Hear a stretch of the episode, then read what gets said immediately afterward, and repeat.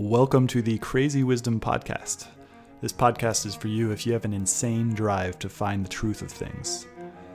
It's not the good answers that we seek, but the good questions. I interview a range of different guests from many different fields, all with the intention to uncover the simple truths that are hidden in plain sight. Most people don't want to go there. I go there. My guests go there, and you benefit. Please let me know if you enjoy these episodes, and as always, subscribe on iTunes, Spotify, or wherever you listen to the podcast. Welcome to the Crazy Wisdom Podcast. My guest today is Ivan Vendrov. Uh, he is a uh, AI researcher, ML engineer, interested in speculation of on future systems and where we're headed with technology. Uh, we first started talking on Twitter about um, kind of where spirituality and technology meet and how we can uh, how spiritual practice might be able to help us gain clarity in the face of rapid acceleration uh, in terms of technology. Well, welcome to the show. Thanks, Stewart. Great to be here. Uh, so I'm interested. I, I, love your tweets. I love what you're talking about. Um, I'm interested. Do you have a spiritual practice, or what's your take on spirituality? Um, interesting. I would say I'm between uh, spiritual practices right, right now. Um, I grew up very religious. I grew up Russian Orthodox, so going to church every Sunday, um, praying a lot, and that kind of thing. Um, I've dabbled in various forms of meditation, but none of them have really stuck. Um, the thing that's really working for me now is this technique called, um, I guess, Alexander technique, um, and especially the part of Alexander technique that's like expanded awareness. So, kind of keeping all the various things that I might focus my attention on in awareness at once instead of like immediately reacting to stimuli. And I don't know. I think like all these practices probably make sense for a particular kind of person. And this is the one that really seems to kind of work for me and improve improve my experience. Hmm. And do you like sit down and do that for five minutes or is it something where it just comes in at random times? Um, yeah, mostly just comes in at random times. I'm just like notice that I'm engaging in some habitual behavior. The most common one for me is like reaching for my phone and then i'm like oh wait like what's what's going on with me more generally mm. and often i find that i reach for my phone because i'm like remembering something awkward that happened the day before um, and so it's almost like a way to distract myself from processing some negative emotion mm.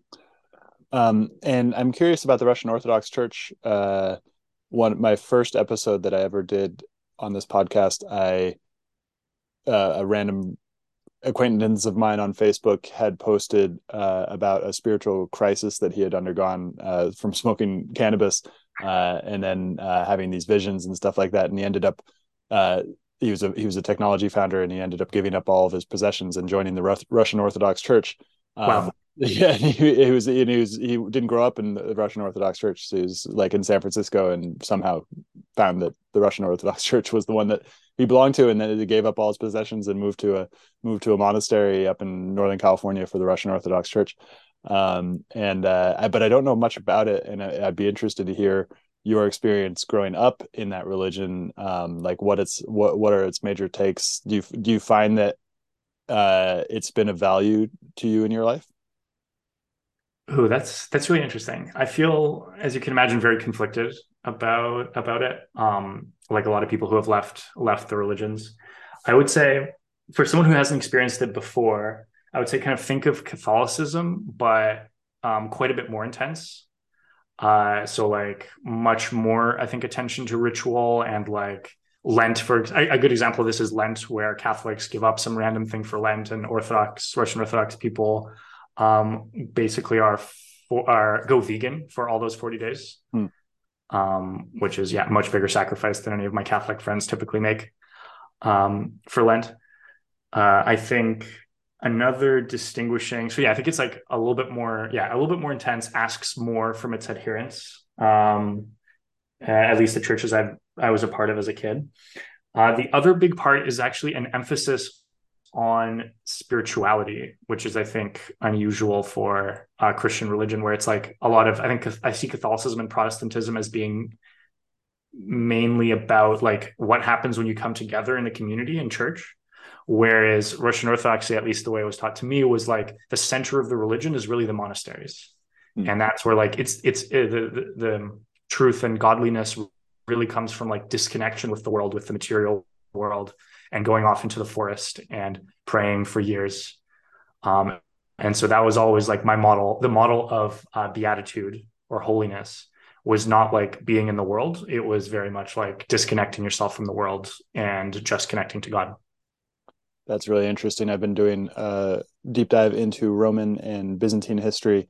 Uh, hmm. and the Romans, the Romans split off from the Byzantines, although the Byzantines continued to call themselves Romans um, and wouldn't they wouldn't have considered themselves Byzantines uh, right around the time of of Christ. So Christ came in well 300 years afterwards. Constantine, uh, the Emperor Constantine, moved the Roman Empire, the capital of the Roman Empire, from Rome uh, to Constantinople at the same time as he converted to Christianity, and then soon thereafter, the Byzantine Empire converted itself to Christian Christianity as well, and uh, and then you know that's where the Russian Orthodox Church is the the foundation is that is that is that um, that type of thing, and then I've been the early Desert Fathers also had that type of thing that you just mentioned about this sort of leaving the earth um, leaving the world, leaving the material plane, going off into the desert, and spending all of their time uh, in having mystical experiences, uh, living very sparsely, asceticism, and all this different things. And so, I think a lot of people who are recognize what you said about the Protestant Church are looking at the Russian Orthodox Church uh, and saying, "Oh, that's kind of cool. That that feels like it's kind of gotten a lot more, uh, a lot more connection to the mystical roots of Christianity." Yeah. Um, but then you're coming from the actual institution of it which i'm sure is is quite different from the the idealized like oh that's something different than what i currently have. So let's go with that. What do you think about all that? Yeah that feels right to me. I think it might also be because of my peculiar family background. So my parents grew up atheist in the soviet union and they converted to russian orthodoxy as part of like the counterculture sort of in the 80s where the Russian Orthodox Church was just emerging. And so you can imagine in that because of this like countercultural trend, it was kind of it was underground. It was mostly in monasteries, far away from cities. There wasn't really a lot of organized church type stuff going on. Um, and so it might be like I expect that the typical Russian Orthodox person who goes to uh, church in Moscow, I probably actually don't have that much commonality in terms of um, like spiritual uh, spiritual practices or general vibe. Interesting. So they were atheists, and then they then they then they as as the Orthodox Church started to reemerge within the Soviet Union, uh, they, there was a countercultural movement, so they they adopted it. That's right. That's really interesting. And it always survived throughout the Soviet Union, mostly in like monasteries or kind of underground in villages. And so, and then it kind of blossomed as the Soviet Union opened up. That's really interesting. So around the 90s, that's when it really took off. Yeah. So is there is there a kind of a resurgence of Christianity religion inside of Russia right now? Um, I don't know what the latest trends are. I think there's definitely like looking from the 90s to the 2000s, there's a huge resurgence. Like it's close to the state religion, and Putin often appear, like goes to church and like appears with um, the metropolitans or patriarch and whatever. Um, but I don't know if what the current trend is like the last five years. Mm, that's really interesting because he's it's become sort of a state religion and he's using it for for to gain legitimacy sort of. That's my sense yeah. Yeah interesting. And would you say that it has an emphasis on mystical practices? Or what's its relationship to mysticism?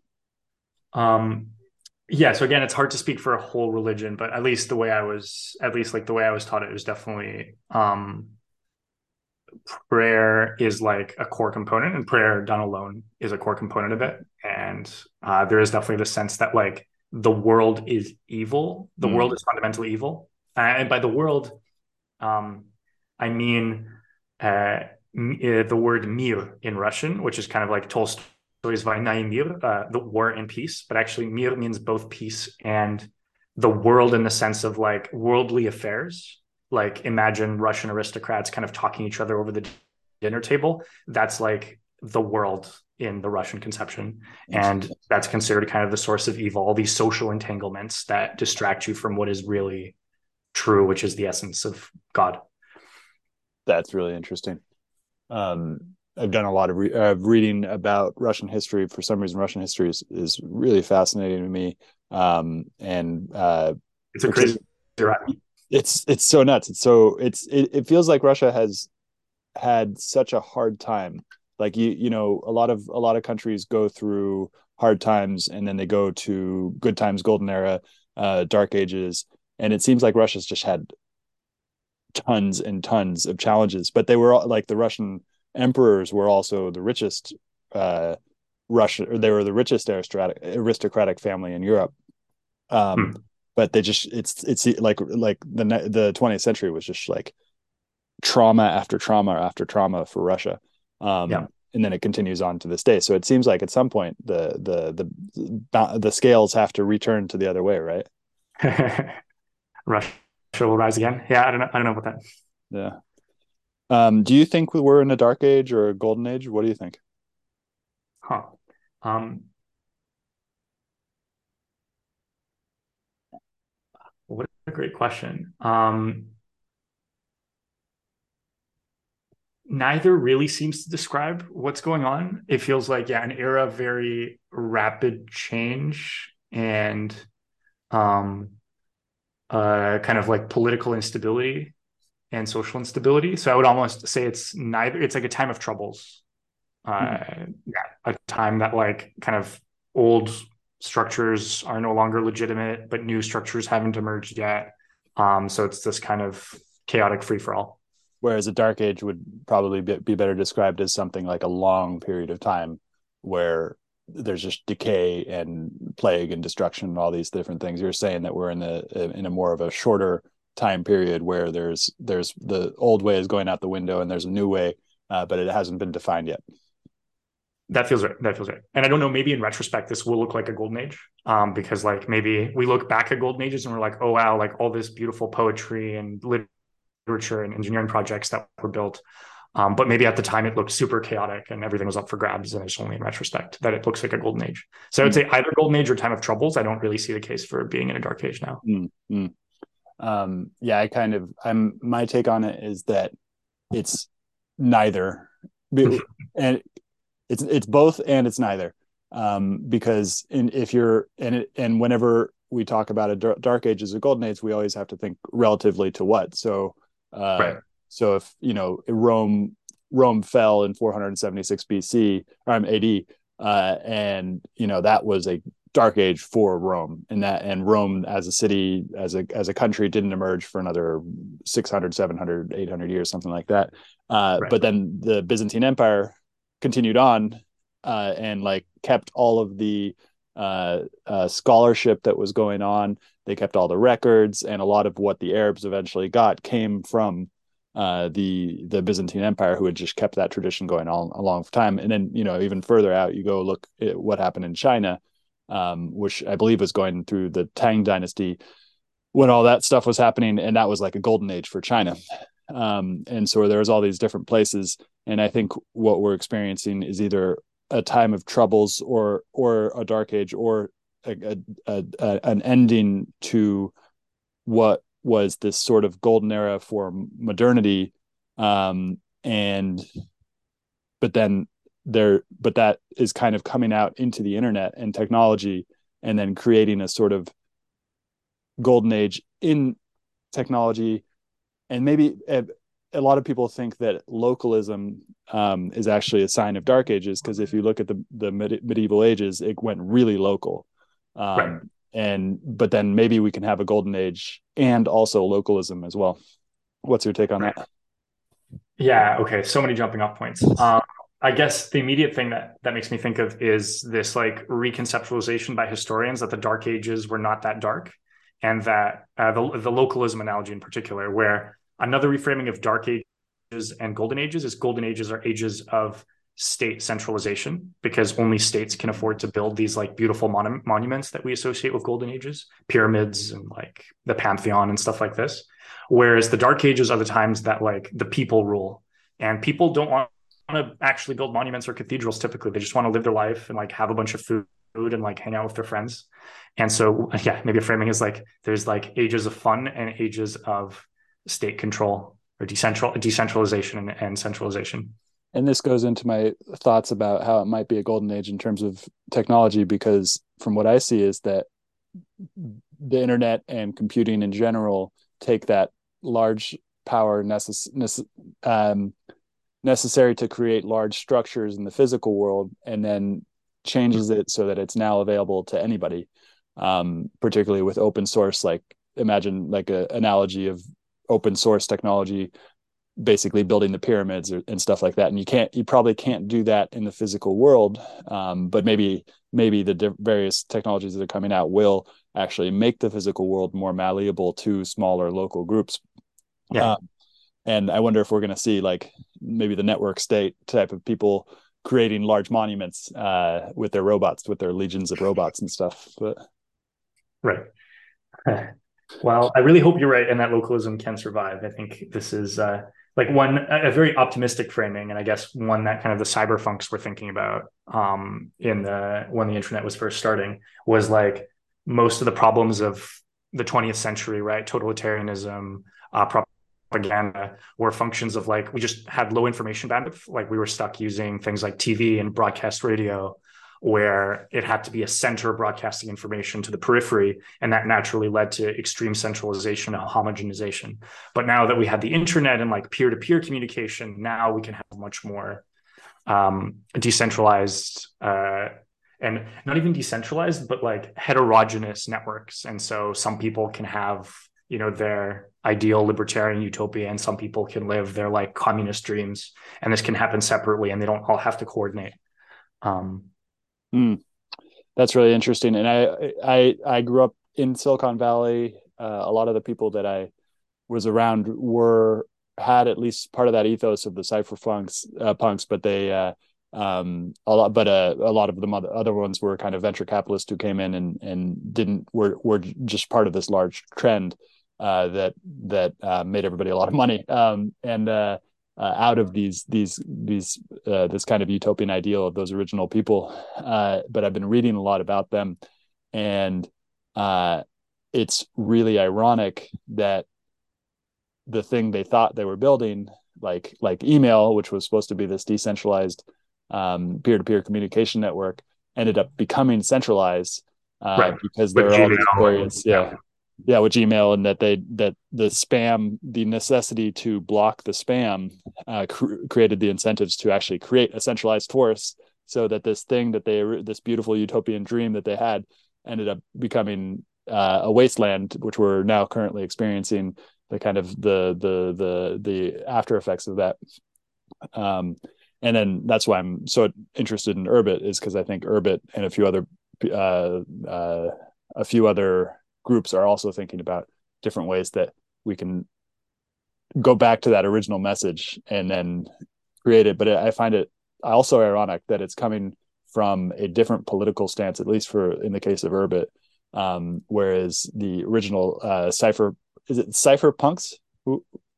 I'm I'm not sure honestly. I've only ever uh, read the word and so those original they were much more on the left um, and at least in the term terms of Urbit it's considered more right.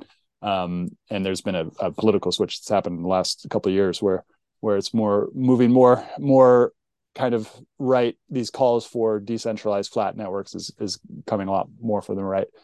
There is still that part of the left that still believes in it but it's been sort sort of overshadowed by a lot of crazy stuff that happened. Yeah. Yeah Okay, so um so we're not don't we've established we don't really know whether we're in a golden age, dark age, might be in a time of troubles. Um are you you're uh where are you based? San Francisco. And what do you think about San Francisco right now? Is San Francisco talking about localism? Is San Francisco in a dark age or a golden age? um yeah, man, it's really hard to say. Uh, I would say, again, like in the sense of state capacity, definitely a dark age, or, or um, maybe even like worse than that, uh, because yeah, as far as I can tell, the city government can't coordinate at all to solve the city's problems. Um, but in the sense of like, are there seemingly every day there's like new interesting people with new ideas about how to change the world, how to fix society's problems, um, coming in like trying to trying to solve trying to solve them. Mm. Um, yeah, this, yeah, and, and so, so like there's a lot of energy here, but I hesitate to call San Francisco the political entity as anything close to a golden age. Yeah. Um, so another that's another nuanced take to it, essentially, where where the the the physical infrastructure of the city and the the physical manifestations of the institutions of the city are sort of um, becoming really really intense, uh, which all of us, you know, growing up there could see. We could see that happening. San Francisco has always had that vibe, um, but now it's just like gone past this sort of point of return. But that that other thing that you mentioned that people are doing interesting things there because that's what really drew me to the city in right. 2010 was just this this this energy of anything was possible. Has that returned? Um, I would say yes. Um, I mean, I'm not so I'm not sure if it's ever if it ever left, but yeah. that's definitely the feeling in the air. Uh, interesting. I'm only a few hours away, so maybe I should start coming into the city more. You should uh, come hang. Yeah. Um, I went to an Urbit meetup there. Uh, so are there a lot of meetups now? Oh yeah, ton, ton, tons of meetups for everything. I mean, they all they're all becoming AI meetups these days, but uh, yeah, hopefully you can come and we can add some diversity. yeah, right. Um, and so, and that's basically the the that AI is is taking over the the hype train. So, and somebody tweeted the other day about how uh, robotics companies were feeling the heat because all of a sudden they couldn't raise money now because everybody's so focused on AI. Um, uh, do you have anything to add there? Um, no, just like yeah, there's definitely there's definitely a lot of hype about it right now. Yeah. Um, okay, so technology. Um, what over the past couple weeks? What has been an article that you've read that's sparked something uh, interesting in you? Ooh, um, so many articles to think of. I would actually uh, recommend uh, an article on Less Wrong called Cyborgism, um, which, yeah, just like talks about how uh, we might relate to AI systems in the future, um, and specifically advocates for like a very that um, AI systems and humans are good at very different things, and so we should like learn to work collaboratively with them, augmenting human intelligence, not replacing it. Um, and uh, yeah, I just thought it was like very thought provoking and a very different um, approach to thinking about AI uh, mm. uh, than ones I've heard heard of before. Mm. Um, you mentioned less wrong, and that's a, that's essentially that's a rationalist uh, publication, right? That's right. What is your take on rationalism?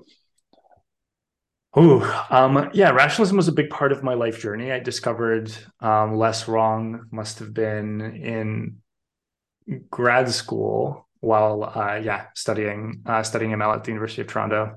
Um, I think yeah postdoc there handed me a copy of Superintelligence, and I uh, yeah kind of kept kept reading uh, related kind of ideas on less wrong in the alignment forum ever since. Mm-hmm. Um, rationalism as a movement, I think, is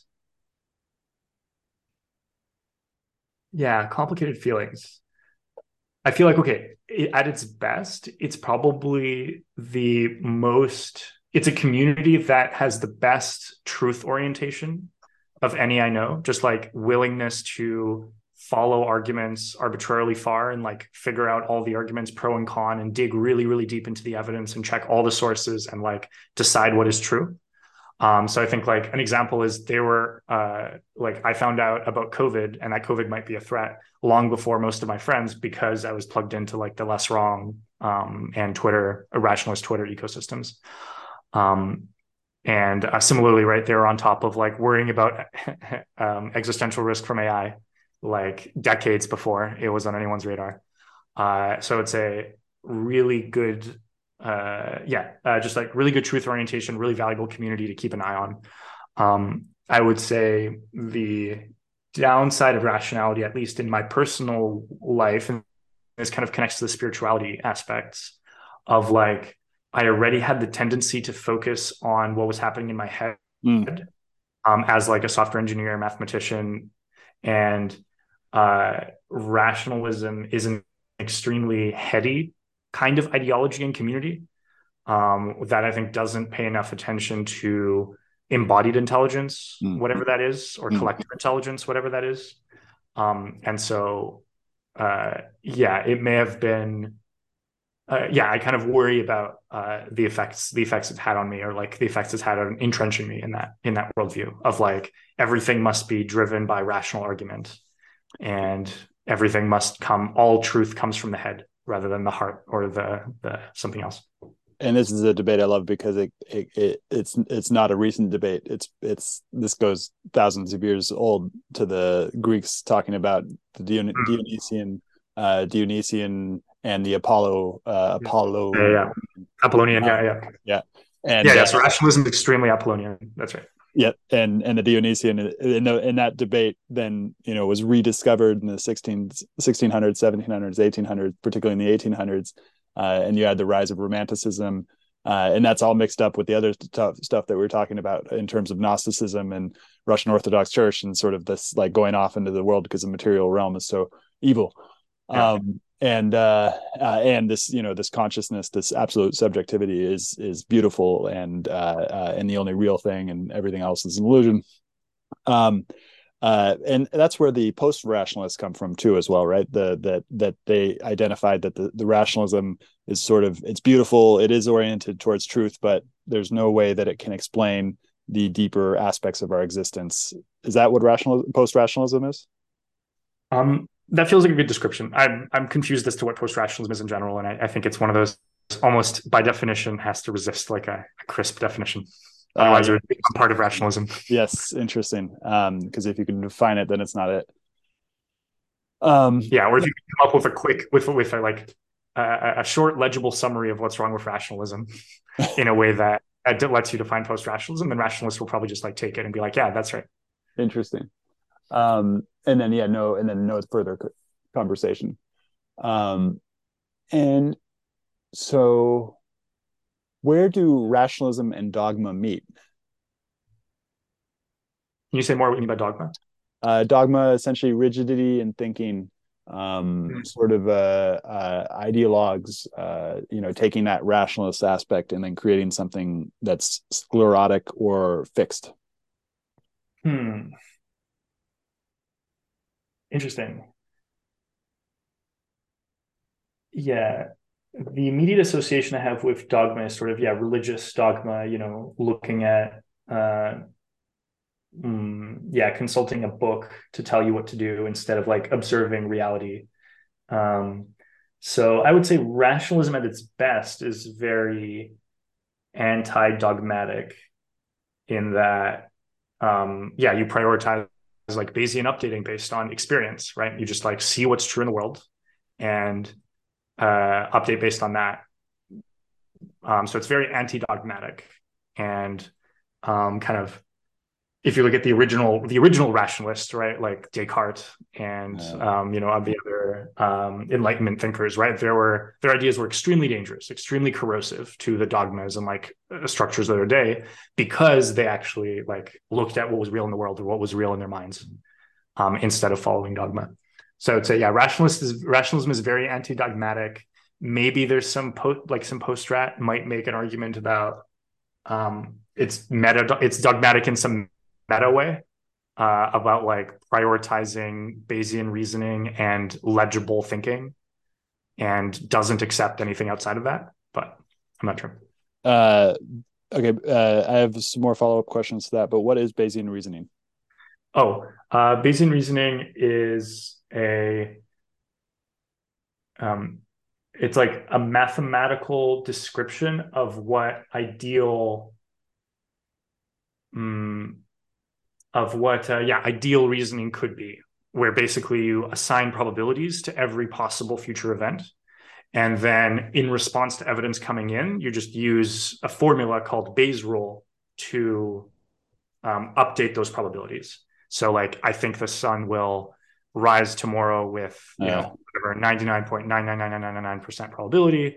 Um, if you that's actually a bad example. What's a better example? Um let's say i think it will rain tomorrow right? And i think it'll rain tomorrow with 10% probability because it's san francisco. It doesn't rain here that often. But then maybe you stewart tell me that like it's going to rain tomorrow. And i'm like i don't know how yeah i have to decide how much i trust you how much of an update that is. But based mm. on that i might update not but i would never update to 100% probably mm. because anything you know anything could happen. Anyone could be wrong So depending on how much I try, I have to decide how much I trust you. I have to decide what your track record is. And based on that, I might update to say my probability of rain tomorrow is 80% or something like that. Uh, okay, so that's uh, interesting. So, basic. So, what do you think about? So that's of the known unknowns. Because yeah. if we can identify all of the known unknowns, then we can um, then we can we can come to an agreement based on what's the most rational thing we should do in this case based on probabilities of all these different things happening. Uh, yeah. What percentage of our environments are unknown unknowns? Yeah, um, that's that's a good point, and I think a good objection to sort of naive Bayesian reasoning. I would uh, say, yeah, the um, it's not that, and, and of course, a Bayesian would reply, well, like you could just write all of those things down, right? Uh, if you had enough time and maybe the my real objection is something like and the real objection the real reason we don't use actually bayesian reasoning very much in uh, uh, when we build ai systems uh. uh, is because it's not very efficient it's not computationally efficient uh. right precisely for the reasons you mentioned like it's like you can't actually write down all the possible things that could happen and then store probabilities for them and update those probabilities but it's a useful like all the mathematical abstractions right it's like useful because it um, captures some essential truth of the world mm. in a very precise, legible way. Mm. Um, it's just that you can you should never let mathematics like be your only source of truth. Oh, interesting. So, what are the other sources of truth for rationalists? Um, oh, that's a deep question. Uh-huh. I don't know if I have, I don't know if I have an answer to that. I think maybe a post would say that's actually the problem is that is that rationalists have these methods um, that like convert knowledge into other knowledge, but they don't oh. really have a good story for how knowledge originates. Oh, interesting.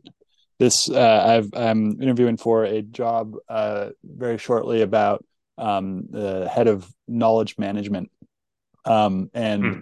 I've been very interested in this question about knowledge management in general. I didn't call it hmm. knowledge management, but it's what we were talking about earlier in terms of dark ages, golden ages. Um, so yeah. where does when does knowledge disappear?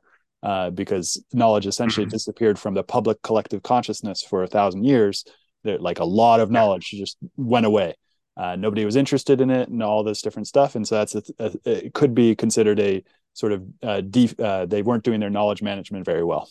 Um, and so now I'm looking at from this perspective of a company, uh, and man, it is just fascinating because I'm trying to find books, I'm trying to find YouTube things. It is probably the most boring subject in the planet.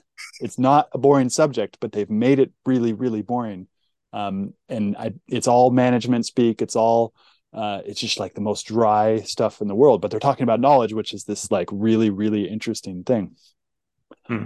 Um, and I forgot what actually sparked that in my head. Um, oh, you were talking about the knowledge about how to create knowledge. Um, uh, you might enjoy a really interesting book about this called "The Social History of Truth." Nice, um, that is interesting. Okay, uh, which uh, I haven't finished it, but it talks about the kind of the origin of the scientific revolution mm. and especially how it was implemented in like, like 17th century England by people like Newton, um, Boyle, people like that. And the claim of the book is like truth is always a socially embedded concept. Like we claim as moderns and also in 17th century England, they claimed that like you can't trust, you can't take anything on trust, you can't take anything on authority. You have to like the only source of truth is direct experience of the world, right? The empiricist tradition. But that's obviously nonsense, right? Like most practicing scientists then and now rely primarily on testimony by other scientists and mm-hmm. instruments that other people have built and they can check only a very very tiny fraction of the like total sum of knowledge that they're relying on and so the claim of the book is something like truth which is another another word for knowledge in this context is kind of uh, depends on a bedrock of trust and a moral economy which punishes liars or punishes people mm. for not not telling the truth or misrepresenting their direct experience. Um, and a very dark way that this was used, right, is like um, in 17th century England, there's this concept of the gentleman, and the idea was like only gentlemen can speak truth. And the reason only gentlemen can speak truth is because they're independently wealthy and they have land and they don't have to work for a living. And so nothing they say can imperil their livelihood. And so they can speak the truth where no one else can.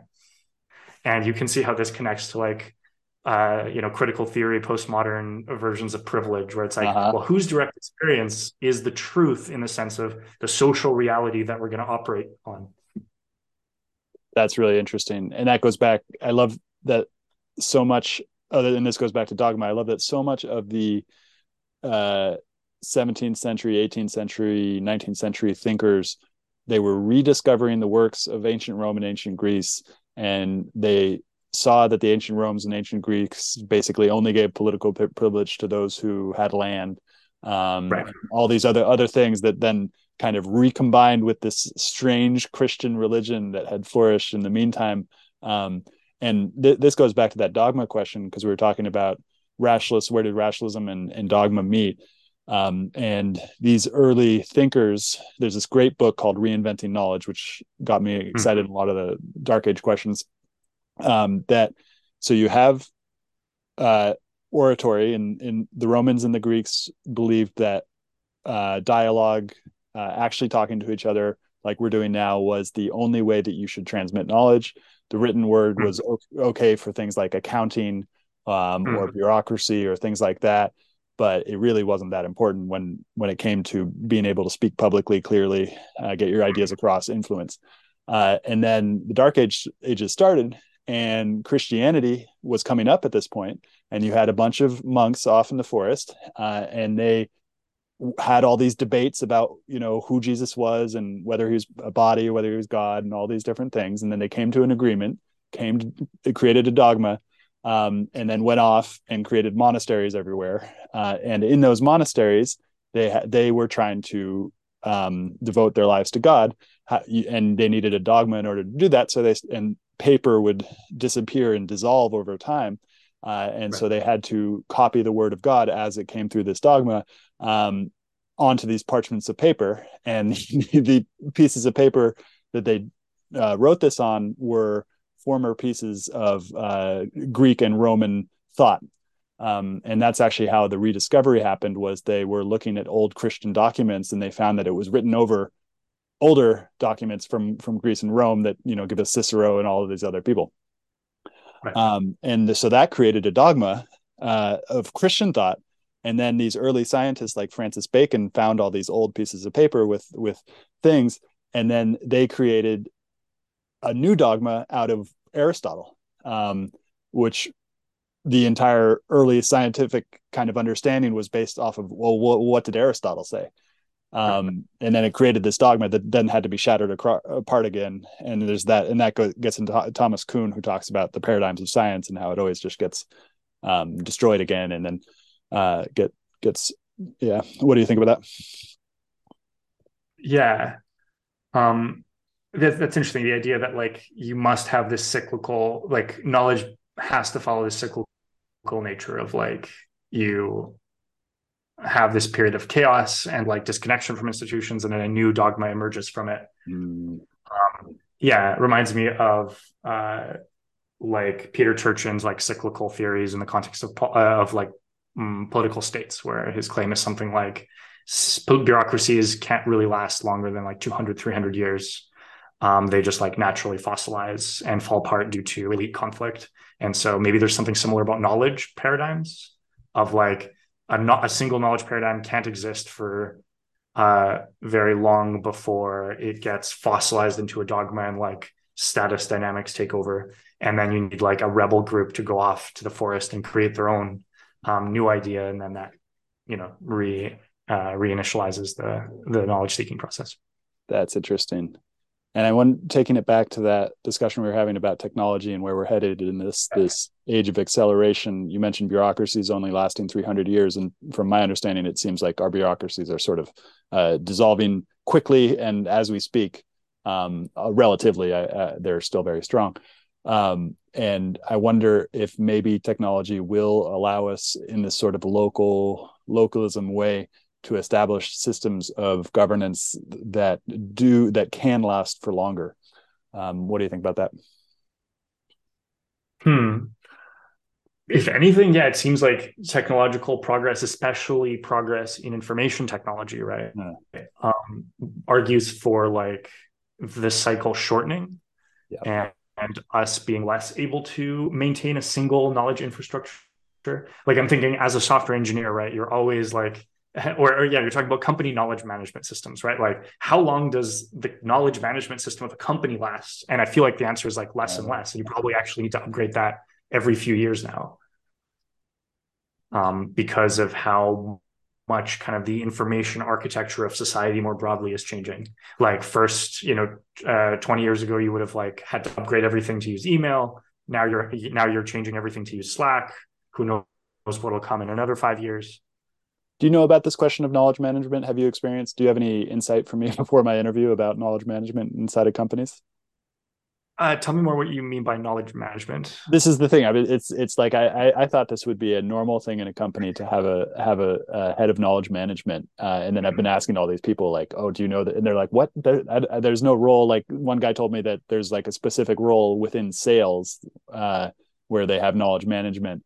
Um, but I, I'm trying to understand why how companies you know you've got slack you've got uh, whatsapp you got notion you've got all of these tools uh, to organize knowledge um, and then you've got what's inside of people's heads uh, right. and there are things there are no there's those known unknowns there's those known knowns there's the unknown knowns and a lot of knowledge is is very much uh, um, under those those distinctions it's difficult to get the unknown stuff out uh, like I want to understand how companies go about organizing all this knowledge at the moment. And it seems like it's either really, really dry uh, books or and YouTube videos or like nothing. Nobody knows anything about it. Um, yeah, I feel like I feel like yeah, somehow the concept knowledge management just doesn't cleanly slice like the activities of any organization that I've been a part of. Like certainly people write long docs and design docs for particular projects, and leadership will write documents about what they see the vision to be. And you know, software engineers will write documentation for how to use their APIs or how like how-to guides or tutorials. Interesting. Um, but no one uh, thinks about it in a way that's like meta. When, yeah. yeah yeah yeah. No one no one really thinks about it in a way that's meta. No one yeah maybe it's like maybe, maybe i'll make like the social history of truth argument is like knowledge is not cleanly separable from trust or organizational structure. And so there is no like separate role of knowledge management. Every every worker in a modern corporation is a knowledge manager. Yeah yeah and this this is what goes into peter drucker who of all of these hmm. uh, dry books he's the least dry and the most interesting. Mm. um, uh, and you know he he i think he coined the term knowledge knowledge worker we're all knowledge workers. Yeah. um, and and that's why i can find so much literature on personal knowledge management systems. But for some reason whenever that goes from a personal knowledge management system to a uh, to a group knowledge management system there's like nobody talks about it. Um, uh, and and i mean it, this is making me think that there is an actual space for me to create some sort of body of work about about it that's not doesn't make people want to kill themselves um, when they're that feels right. Yeah. Feels right. um, okay, cool. So we got about five minutes left. Um, of all the things we've talked about, what what has been the most kind of generative for questions inside of your head? Hmm. I'm still thinking about your analogy to the Byzantine Empire and how it sort of preserved the knowledge um, of the Romans and Greeks through time. Uh, one of my big worries about the world today is that we're witnessing a great dying of uh, cultural knowledge, in hmm. particular. I mean, also hmm. biodiversity. Mm. Uh, but I'm hopeful we can we can at least like reconstruct some of the biodiversity. We can save the genes and stuff like this. But the cultural knowledge definitely seems like it's dying, and no one's really. Um, yeah, there's, there's there's no real attempt to preserve it. There's a few places like the Internet Archive. Yeah. Um, but uh, yeah, it's just like one of the, I think, contra to the cypherpunk ideas. Um, if anything, the internet, I think, has been a grandly homogenizing force yes. uh, for good reason. Um, like a lot of the cultures that it destroyed were like deeply unhealthy in all sorts of ways. And, you know, as a kid growing up in a very restrictive mm-hmm. culture, the internet was a breath of fresh air for me. Um, and in many ways, like the reason for my liberation from dogma. But, um, yeah, I really worry about like who are the who who are the new Byzantines? Who are the people who are preserving all the cultural knowledge, all the knowledge that can't be written down, right? We know there's so mm-hmm. much knowledge about human nature stored in like grandmothers and like random like matchmakers and just generic like wise old people who've seen a lot of the world and a lot of like different contexts in the world and a lot of different people in it and we're not that that knowledge is probably going to die with them yeah you're talking about implicit knowledge which is something i learned from one of those deadly dry books. Um, uh, how do you how do you preserve knowledge that's implicit and hard to write down?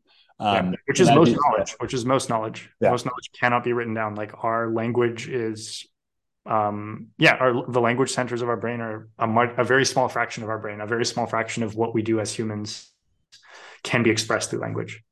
Mm. and the and that implicit knowledge is embedded in the context that if if it gets preserved within internet archive you get that specific knowledge but you lose the context basically. That's right. That's right. I'm not even sure it gets preserved by internet archive. I guess there's like yeah old books old pamphlets old photos stuff like oh, that. Oh yeah, yeah yeah. I guess youtube is preserving a bunch of interviews with these people um which is which is somewhat helpful but um, uh, yeah, yeah, i think like folkways are getting lost yeah, and I don't see I don't see our way to, reco- to recover that knowledge. So yeah, if wants to wants to fill the role, if any of your listeners wants to fill the role of uh, the Byzantines in preserving that knowledge, come talk to me, please. Yeah, and I mean, because there are people who are doing that, and I think we have a we have a leg up in terms of the Byzantines, uh, in terms of our like our academic structures, where there is you know some random person who's going through and uh, going to the tribes in Papua New Guinea and interviewing them all and, and putting that down down on on paper, but the scale of that knowledge and how quickly it's disappearing, I think you're right that vast majority is get, is getting lost. Yeah. yeah. Well, cool. Anything uh, you want to share with my listeners before we end? Um, no. Thanks for a fascinating conversation, Stewart. Cool. Thank you very much. Um... Thank you for listening, and I hope you enjoyed this episode. As always, you can find me on Twitter at Stewart Alsop III. Also, don't forget to subscribe on Spotify or iTunes for every weekly episode that I publish on Monday mornings. Hope you have a great day.